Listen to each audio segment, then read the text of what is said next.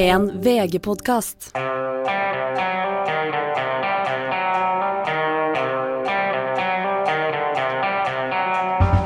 Det er tid for budsjettkonferanse, og budsjettkonferanse det er dit valgløftene kommer for å dø. Roar Hagen har tegnet Russlands nye tsar i over 20 år. Hva mener han har skjedd med Putin i løpet av denne tiden? Det er Gjever og gjengen. Det er mandag den 14. mars. Vi er heldige eh, som har en økonomi i sterk oppgang. Eh, Men da betyr det for oss som skal lage statsbudsjett, at vi må holde igjen. Og vi må, som Trygve sier, vi må snu på krona når vi skal finne eh, gode prioriteringer. Ja, det var Jonas Gahr Støre. Han skal gjøre som hans finansminister Trygve sier, å snu på krona, Tone Sofie. Allerede der så føler jeg liksom finn én feil. Ja, jeg skyver Trygve foran seg. Han, Støre skulle gjerne vært der, sånn, men, men, øh, men Slagsvold Vedum må vel snu på krona. Ja, og det er, vel, det er vel ikke det Trygve Slagsvold Vedum har gjort seg kjent for. Verken å snu på krona eller hans nye slagord eh, 'trygg styring'. Nei, og jeg må si jeg hørte ham på Politisk kvarter i morges, og da trodde jeg et øyeblikk ja, Stemmen var jo umiskjennelig, men han, han snakket på samme måte som Per Christian Foss, som snakket om press i økonomien og uh, den type ting. Så det har vært vellykket, dette prosjektet med å ansvarliggjøre uh, Trygve Slagsvold Vedum ved å gi ham Finansdepartementet. Ja, man har vel egentlig overoppfylt eh, alle forventningene både til å disiplinere Vedum eh, i finanspolitikken, og ikke minst eh, få Senterpartiet ned på et mer normalt nivå på meningsmålingene. Så, men uh, omstendighetene rundt er jo ikke hyggelige, verken for uh, Ja ja, litt hyggelige for at det går bra med mm, statsfinansene, om vi kan Ja, Hvis du ser isolert på Finansdepartementet, så går det ganske bra. lille Det er isolert, men både omstendighetene rundt og, og situasjonen for regjeringa er jo ikke tragisk. Man, man ønsker jo gjerne å dra på budsjettkonferanse for å gjøre valgløftene At de skal få fete seg opp, men det er jo ikke det som skal skje. Vi har jo hørt i de siste dagene at man driver jo en skikkelig forventningsavklaring om at her er det bare å glemme alt man har lova på Hurdal.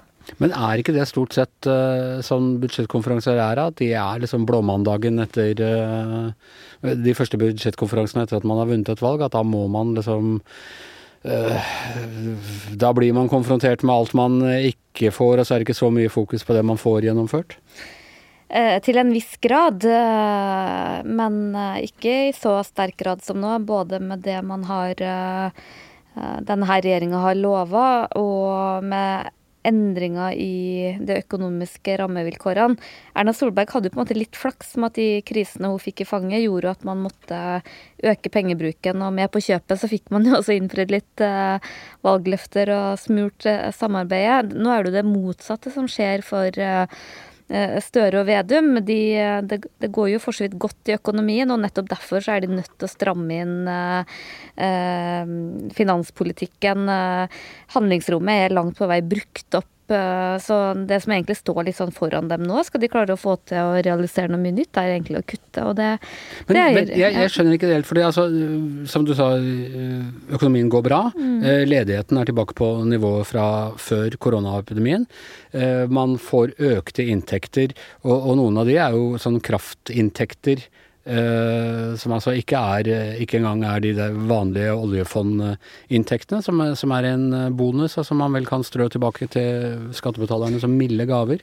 Ja, og det er jo derfor de får en kjempejobb også med å forklare hvorfor det er sånn. For det, eh, det handler jo for så vidt ikke om eh, mangel på penger, men om at hvis eh, det offentlige bruker dem som man, har, som man har lyst til, så fører det til økt inflasjon, økt prisstigning. Det ser vi jo allerede langt på vei, og i tillegg at renta går kraftig opp. Og nå ser vi jo at den ene sjefsøkonomen etter den andre er ute og spår eh, langt flere renteøkninger. Så det, er jo- det er jo sånn det henger sammen. Men det som også treffer denne regjeringa, er jo at du en, har fått en voldsom økning i, i strømprisene, som man har stagga langt på vei da med, med denne strømstøtten. Men fortsatt er jo næringslivet og liksom på lang sikt, hva gjør man?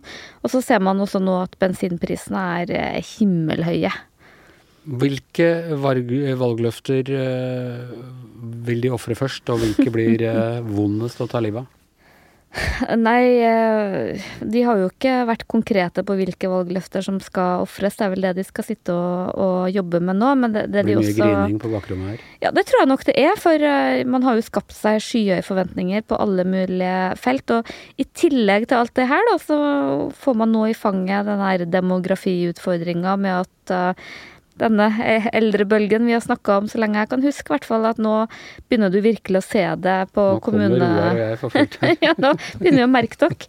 Eh, inn på alle mulige kommunebudsjett, som også spiser veldig mye av det handlingsrommet. Så jeg ser for meg alt de løftene de har hatt om gratis SFO, gratis billigere barnehage, tannhelse, gratis ferge. Det har jo vært veldig mye gratis billigere, Mm. men også alt er bedre, ikke sant. Eh, Fastlegeopprøret som skal ordnes med penger, mer til sykehus, mer Det, det har jo vært mer til alt. Det skal splitte opp om ting som har vært slått sammen, og det er ja. Ja, og så er det mye sånn reformer. Den ABE-reformen skulle de jo avvikle.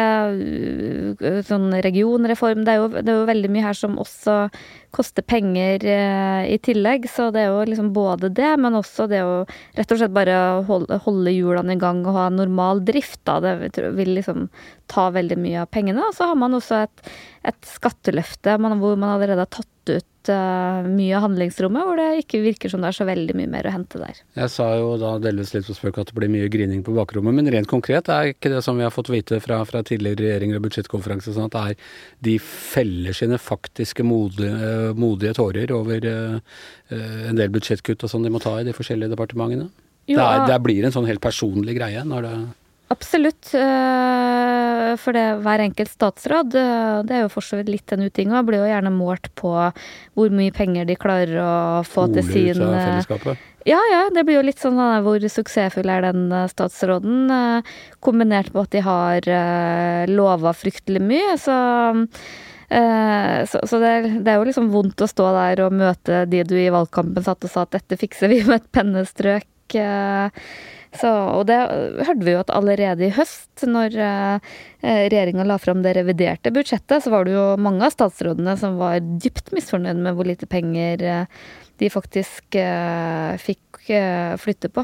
De kjente klumpen i halsen allerede da. eller? Allerede da. Og, og i tillegg, sant, det som har endra seg med Ukraina, er at ja, det blir, det blir neppe noe lettvinte kutt i forsvarsbudsjettet. Vi har en flyktningsituasjon som vil koste mye. så og det, mm, en av den store debattene jeg tror vil være innad i regjeringa nå, er hva gjør man med bensin- og dieselprisene hvis de fortsetter å være så høye og, og ble, stiger enda mer? For det tror jeg virkelig er sånt som har potensial til å få gule vester på syndige nordmenn òg.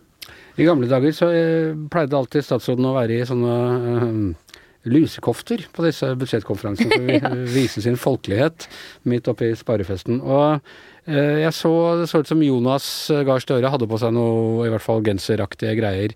Eh, det var mer i allværsjakke på, på eh, Trygve Slagsvold Vedum da de møtte pressen i morges.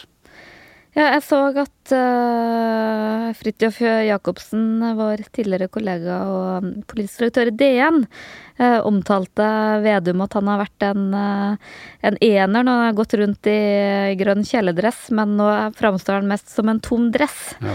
Så um, det var i hvert fall ikke dressen han hadde tatt på i dag, da. Men uh, det må være en ganske krevende situasjon for uh, regjeringa også, med så mye de, um, de har lova og ønsker å innfri, og så lite handlingsrom som de faktisk blir sittende igjen med. Roar, du som hvert år har den utakknemlige oppgaven å skulle visualisere budsjettkonferanse. Eh, du, du savner kanskje Luskofta? Ja, og det var jo lenge også busserull. Ja, det var det også, ja. ja. Jeg skal liksom kle seg da, litt, litt enkel, enkelt og folkelig, men jeg syns jo litt synd på Vedum nå. ja. Og hvordan skal han forklare at han er redd for prisstigning, men vi kan ikke bruke tiltak for å få ned prisen på strøm og bensin? Det blir fryktelig vanskelig. Og, og bare det å sette han i stolen som finansminister, så er han jo på et vis nøytralisert av det utgangspunktet. Men visste han ikke dette? Jeg mener, det er- en av de mest opplagte eh, eh, tingene Han har sett det med Kristin Halvorsen, han har sett det med, med Siv Jensen. Hvorfor, hvorfor går han med på det, tror du? Nei, det, det kan du spørre om. Jeg syns kanskje det var litt stas, da. Ja. Muligens. Men han blei vel kanskje tvungen til det, vil jeg tro. Hva tror du, Tone Sofie? Nei, jeg tror at det er eh, litt stas. Og så gikk det jo ikke så dårlig med Siv Jensen. Hun Nei. ble jo gjenvalgt og, og klarte seg jo veldig lenge godt. Så tror jeg nok også at det var en viss tvang ute og, og gikk, fordi Arbeiderpartiet veldig gjerne ville, eh, om ikke nøytralisere, så i hvert fall binde Senterpartiet til masta ved å ha um, en meget sentral politiker i den Eh, den stolen. Så Kunne han ikke bedt Marit Arnstad, som ikke har fløyt rundt og lovet over evne, ta den jobben? og så, så kunne han vært noe mer sånn kommunalminister eller noe sånt? Jo, det er jo kommunalminister han eh, hadde mm, på mange måter passa til. Jeg har jo i mitt stille sinn tenkt at han og, og kommunalminister Bjørn Arild Gram på mange måter burde ha bytta plass. I hvert fall passa bedre mm. til å bytte plass, for Bjørn Arild Gram er jo altfor skikkelig til Legningen å Legningen hadde vært mer sånn? Ja, for han mm. er en skikkelig fyr som ikke, ikke passer helt å stå der med Østfold-T-skjorte og og han er, han er, ansvarlig av natur, mens uh, får ikke så veldig mye ut av disse skilsmissene og alt det der. Mens uh, han har jo vært statssekretær i finans, og det passa veldig godt. Men, men, det har vel vært litt sånn uh, tradisjon for at en uh, nummer to-regjering skal være fra det andre partiet og, og for regjeringas indre liv. Da, slik at, at ikke finanspolitikken blir noe Støre-kom å holde orden på, mens Senterpartiet kan sitte i regjering og drive, fortsette som sånn opposisjon og løssluppen pengebrukpolitikk. Ja, opprinnelig var vel tradisjonen at man ble utenriksminister, men som som Carl I. Hagen sa da han var i dette studioet, det er ingen vits i å sette en dyktig kar som Trygve Slagsvold Vedum til et uviktig departement som, som Utenriksdepartementet. Så, så, det er vel noe der. Og apropos utenriks. Øh, litt teit overgang det der, men uh, krigen i Ukraina fortsetter jo altså uh, uh, kraftig, og det er eh, et stadig økt fokus på, på, Russlands president Vladimir Putin og hva han tenker. Han overrasket selv mange av sine egne kritikere ved å faktisk uh, gå til krig. Og det er litt rart å tenke på, Roar, du har altså tegnet eh, Putin nå i over 22 år. Uh, da han dukket opp, så så vi vel han på, på han som en litt sånn pragmatisk realpolitiker eh, sammenlignet med forgjengeren, han derre fyllebøtta Jeltsin? Ja da, eh, og det var jo Jeltsin som utpekte Putin. Eh, og vi han var jo den fjerde statsministeren han hadde, eller noe sånt foran ja. ja, vi så jo på han som en litt asketisk eh, byråkrat, på en måte. En rasjonell spiller, en som skulle få orden på korrupsjon og på forskjellige ting. Og Bortsett fra Tsjetsjenia-krigen, så gikk det jo ganske bra, da. Han fikk jo masse eh, utmerkelser i Vesten og ble invitert hit og dit. Og han var her i Altså, første gang du har tegnet han, eh, det er da høsten 1999. Eh, det var da Da var han, da var han vel akkurat blitt blitt statsminister, og han, alle visste at han var Jeltsins favoritt til å overta. Og han var her i forbindelse med det store toppmøtet hvor også Bill Clinton var her. Eh, som de aller fleste husker Bill Clinton satte, satt Oslo på hodet. Uh, og da møttes også han og, og, Putin. Det var kanskje første gang de møttes. Så du har tegnet han her. Han, han, ser yngre ut. Jeg kommer til å legge ut disse tegningene på Facebook-sida vår, så vi kan se det. Han står der med et sånt oljeblad og en rykende maskinpistol hvor det står Tsjetsjenia. Ja, det var jo Tsjetsjenia som var det, den, den, varme poteten den gangen. og Utbryterrepublikk i Russland, da. Så han gikk jo til en, en veldig voldelig krig mot Tsjetsjenia og jevna jo Grosjny med, med, jorda. Veldig brutalt. Det er jo litt av det vi ser nå. Men, men allikevel, det hadde jo et slags rasjonale for å få Russland til å holde sammen og henge sammen. Så kom krigen mot terror like etterpå, så man fikk liksom sånn ok, han var hard mot de harde, men han viste liksom at det gikk an. Ja, det var et slags fornuft i det på en måte, fordi det var en felles kamp mot terror. Og eh, Så han hadde jo bra standing.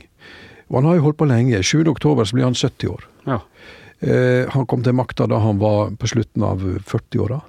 Ja, og da ble han eh, president. Da hadde han jo vært statsminister og sjef for KGB og ja. i det hele tatt? Eller FSB? Han var jo bare avbrutt som president mellom 2008 og 2012, hvor han fikk sin stand-in Medvedev til å være president. For øvrig den samme mannen som inngikk dellinjeavtale delelinjeavtale med Norge i 2010. eh, gjennom stand-in Medvedev, som nå har uttalt at vi trenger ikke diplomati lenger, det er avleggs. Ja. Så, så denne forvandlingen fra rasjonelle aktører til eh, så vi kan nesten sånn gammeldags imperialist der. den er ganske dramatisk. Gammeldags imperialist og gangster, vil jeg si. Altså, du nevner med Devev. Han har jo hatt Det har vært en sånn sirkel av menn rundt ham, og noen av dem har, som i Sopranos, uh, måttet sove med fiskene etter hvert, hvis de ikke har oppført seg slik Putin ville. Men ellers er det en veldig sånn tett gjeng. Og så en nå i helgen så, eh, så, har han satt eh, en av to av FSB-toppene, han som har overtatt for KGB, under husarrest. Sergej Beseda og Antolij Buljuk. Eh, og, og, vi så hvordan han ydmyket han etterretningssjefen sin, Nariskin, for, for åpen scene. Og det er, det er sånn Al Capone-stil over måten han driver på. Han, han var jo etterforska for korrupsjon i 1996 i, i Lening, altså St. Petersburg. Og, og, i likhet med Stalin, som jo finansierte seg gjennom bankran i, helt sånn Bonnie and Clyde-stil i Baku, før han ble politiker. Så dette det har jo en lang tradisjon. Men, men eh, eh, hele denne Og Putin er nå en av verdens rikeste menn, kanskje den rikeste? Ja, det er helt utrolig. Og han var jo da sønn av veldig enkle foreldre. Han ble jo født av foreldrene Begge var foreldrene var over 41 år. Faren var krigsskadd. Bestefaren var kokk hos Lenin på Datsjaen, og tjente også Stalin eh, som kokk. Eh, og hele hans eh, bakgrunn er jo interessant og enkel på et vis. Og han var jo, ble jo enebarn, for begge brødrene døde. Han er beskrevet som en eh, person som uh, gikk fysisk til angrep på alle som, som erta han i, i tidlig barndom. Så hele hans fram, framtoning er jo litt mystisk. Og, og, denne forvandlingen fra rasjonell spiller til uh, litt eh, diktatorisk skal vi si, en, enevoldskonge er jo, er jo skremmende. Men du, eh, det har jo vært spekulasjoner i utseendet hans også. Uh, begynte å dukke opp for en fire-fem år siden at han at, Dels rett og slett om, sånn som han holdt på med Hollywood-skuespillere. Har han løfta litt her, og har han tatt øyelokka? Det tror jeg. Han stramma opp litt, sånn som du og meg burde gjort, egentlig, ideelt sett. altså Vi løfta litt her og der, og det har han åpenbart gjort. Ja. Uh, og derfor blitt litt stivere i maska. Men i tillegg var det jo noe over han nå, når han holdt disse presseseansene i Kreml, hvor han sitter som en sånn uh, Blowfell-type i en sånn gigantisk hall. Sånn Mangler bare kattepusen å sitte og klappe på. Ja, ja, ja. Og, og de, alle de andre sitter som skremte høns på vagle og, og, og venter på hans neste setning. Så var det også noe som, som var litt mer urovekkende. Går han på medisin? Er det noe sånn uh, kortison, eller hva er dette her? For det var en, en maske som også var litt oppblåst. Og det er, det er, også noe med disse lange bordene og i det hele tatt. Det er virkelig sånn James Bond-skurk. Uh, ja, han kunne gått inn i... og litt sånn Hitler på ondergang. Uh... Ja, han kunne gått inn i en James Bond-film uten sminke, vet du nå. Og bare satt seg ned og spilt, spilt denne rollen. Men han slipper jo å spille aksent òg. Det har han jo. ja, det, det, det, har han, vet du. Han snakker vel ikke engelsk, han snakker jo tysk? Han snakker tysk. Han hadde jo denne jobben i Dresden. Da, det var jo, Dresden var jo en, et sentrum en gang, men da han var der, var det definitivt ikke et sentrum. Det var jo et utbomba krater. Så han var jo han var jo KGB-mann i Dresden, som var på den østtyske landsby, eller provinsen, egentlig. Det påstås jo der at han drev og holdt på med disse her Baader-Meinhof-folka som ble flytta til Øst-Europa og, og bosatt der, at han han hadde med dem å gjøre? Han var nok ikke et uskyldig barn der som KGB-mann i, i, Dresden, men, men, han kan jo tysk, da. Og hadde døtrene på tysk uh, skole i, i, Moskva. Så har visst også lært seg engelsk. Men, men, hele verden er jo nå spent på hans personlige forvandling. Er det, er det, er det pandemien og isolasjonen som har gjort han uh, rar, eller hva er dette her? ikke sant? Hva tror du blir slutten på dette? det, det, det, er helt åpent. Men jeg vil jo tro, hvis du tenker på russisk tankegang Dette er jo ikke noe nytt. Dette var jo det Peter den store holdt på med. Og Potjomkin Altså tsaren? Ja. Og Potjomkin og, og Katarina den store eh, tok igjen landområdet. erobra. Det, er jo- det er jo den tradisjonen han står. Ja. Jeg er jo ikke Hitler riktig ennå, det er for tidlig å si, men han er jo en klassisk gjenerobrer. Forsvarer av en russisk idé om storhet. litt sånn som Mao gikk tilbake til de gamle keiserne. Putin går tilbake til de gamle tsarene. Det er riktig. Men skal vi tro Maos livlege, doktor Li, som fulgte Mao i 21 år, så har han en beskrivelse av hele den eh, kinesiske toppledelsen som hadde tilgang på alt. Alle, alle tenkelige menneskelige gode, materielt, eh, kvinnfolk, alt mulig. Altså, alle hadde den samme lidelsen. Søvnproblemer. Fordøyelsesbesvær og paranoia. Ja, ikke sant. Det er, det er tre ting du ikke vil ha. Så, så du kan jo spørre da, er, er det dette som også har rammet Putin, med det å være allmektig? Det er farlig å være allmektig, og det, det, det visste jo demokratifedrene, at det, vi må beskytte lederen mot allmektighet, for det er farlig. For lederen sjøl og for, eh, og for folket. Og han minner meg jo litt om en, en sånn klassisk russisk figur. Jeg tenker på eh, på romanen til eh, Gogol, 'Kappen', hvor der er da en, en liten mann i St. Petersburg som kjøper seg en ny frakk. Og Samfølge og kjøper seg en ny frakk og og blir besatt av denne lidenskapen. Og så dør han av det fordi han blir rana ute i vinterkulda og fryser i hjel. Men det, det hele denne tragiske fella som han har gått i. Og du tegner ham jo litt i, har jo ved flere anledninger tegnet ham inn i den litterære russiske tradisjonen. Ja, han er jo i ferd med å bli en sånn klassisk tragedie. Så jeg syns jo litt synd på han på en måte. Jeg tenker han er, han er Der han befinner seg nå, er ikke noe hyggelig sted å være. Han er redd om natta, tror jeg. Jeg syns ikke noe synd på han i det hele tatt. Ja. Ikke synd på han sånn som fordi at han fortjener det, men at han, han er er på en måte Det i et, tragisk rolle, en tragisk rolle, ja. Korrekt. For han er nødt til å tape dette. Han må jo tape. Han, han kan legge Ukraina i grus og sånn, og det vil jo bli hans forferdelige ettermæle. Som, eh, som vil stå i historiebøkene til all tid. Ødelegge Kiev, som var jo russrikets sentrum, ikke sant, med sine gamle kirker. Og nå ble riktignok alt ødelagt av mongolene i 1237. Og litt av nazistene òg. Ja. Eh, men men eh, nazistene ødela jo ikke sentrum av Kiev Nei. på den måten. Så det kommer an på om han klarer å stoppe nå, om det fins et rasjonalt som kan komme seg ut gjennom forhandlinger osv. Jeg, tipper at han ønsker det. Vi får se. Eh, du, hvordan vil du tegne ham nå? Din neste Putin-tegning? Jeg vet du gjerne ligger et par-tre tegninger foran i hodet. Det ligger i hodet, og jeg vil jo prøve å forfølge denne litterære tradisjonen. Krig og fred. og Ja. Vi har jo denne grusomme scenen i, i 'Forbrytelse og straff', hvor Mikolka slår i hjel hesten sin. Ja. Sin egen hest. Uh, Som da kunne være Russland. Ja. Eh, Så det er mange ting som jeg går og pønsker på. Ja. Det er nok å ta av når det kommer til russisk storslagen, tragisk og uh, groteske scener, i hvert fall. Og det er nok å ta når det gjelder blakke norske politikere òg. Det er det også. Det. Ja, det fins kanskje en indre sammenheng. Ok, litt mer fredelig og litt også norsk litteratur, også litt mindre dramatisk. Det, det må man jo nesten si.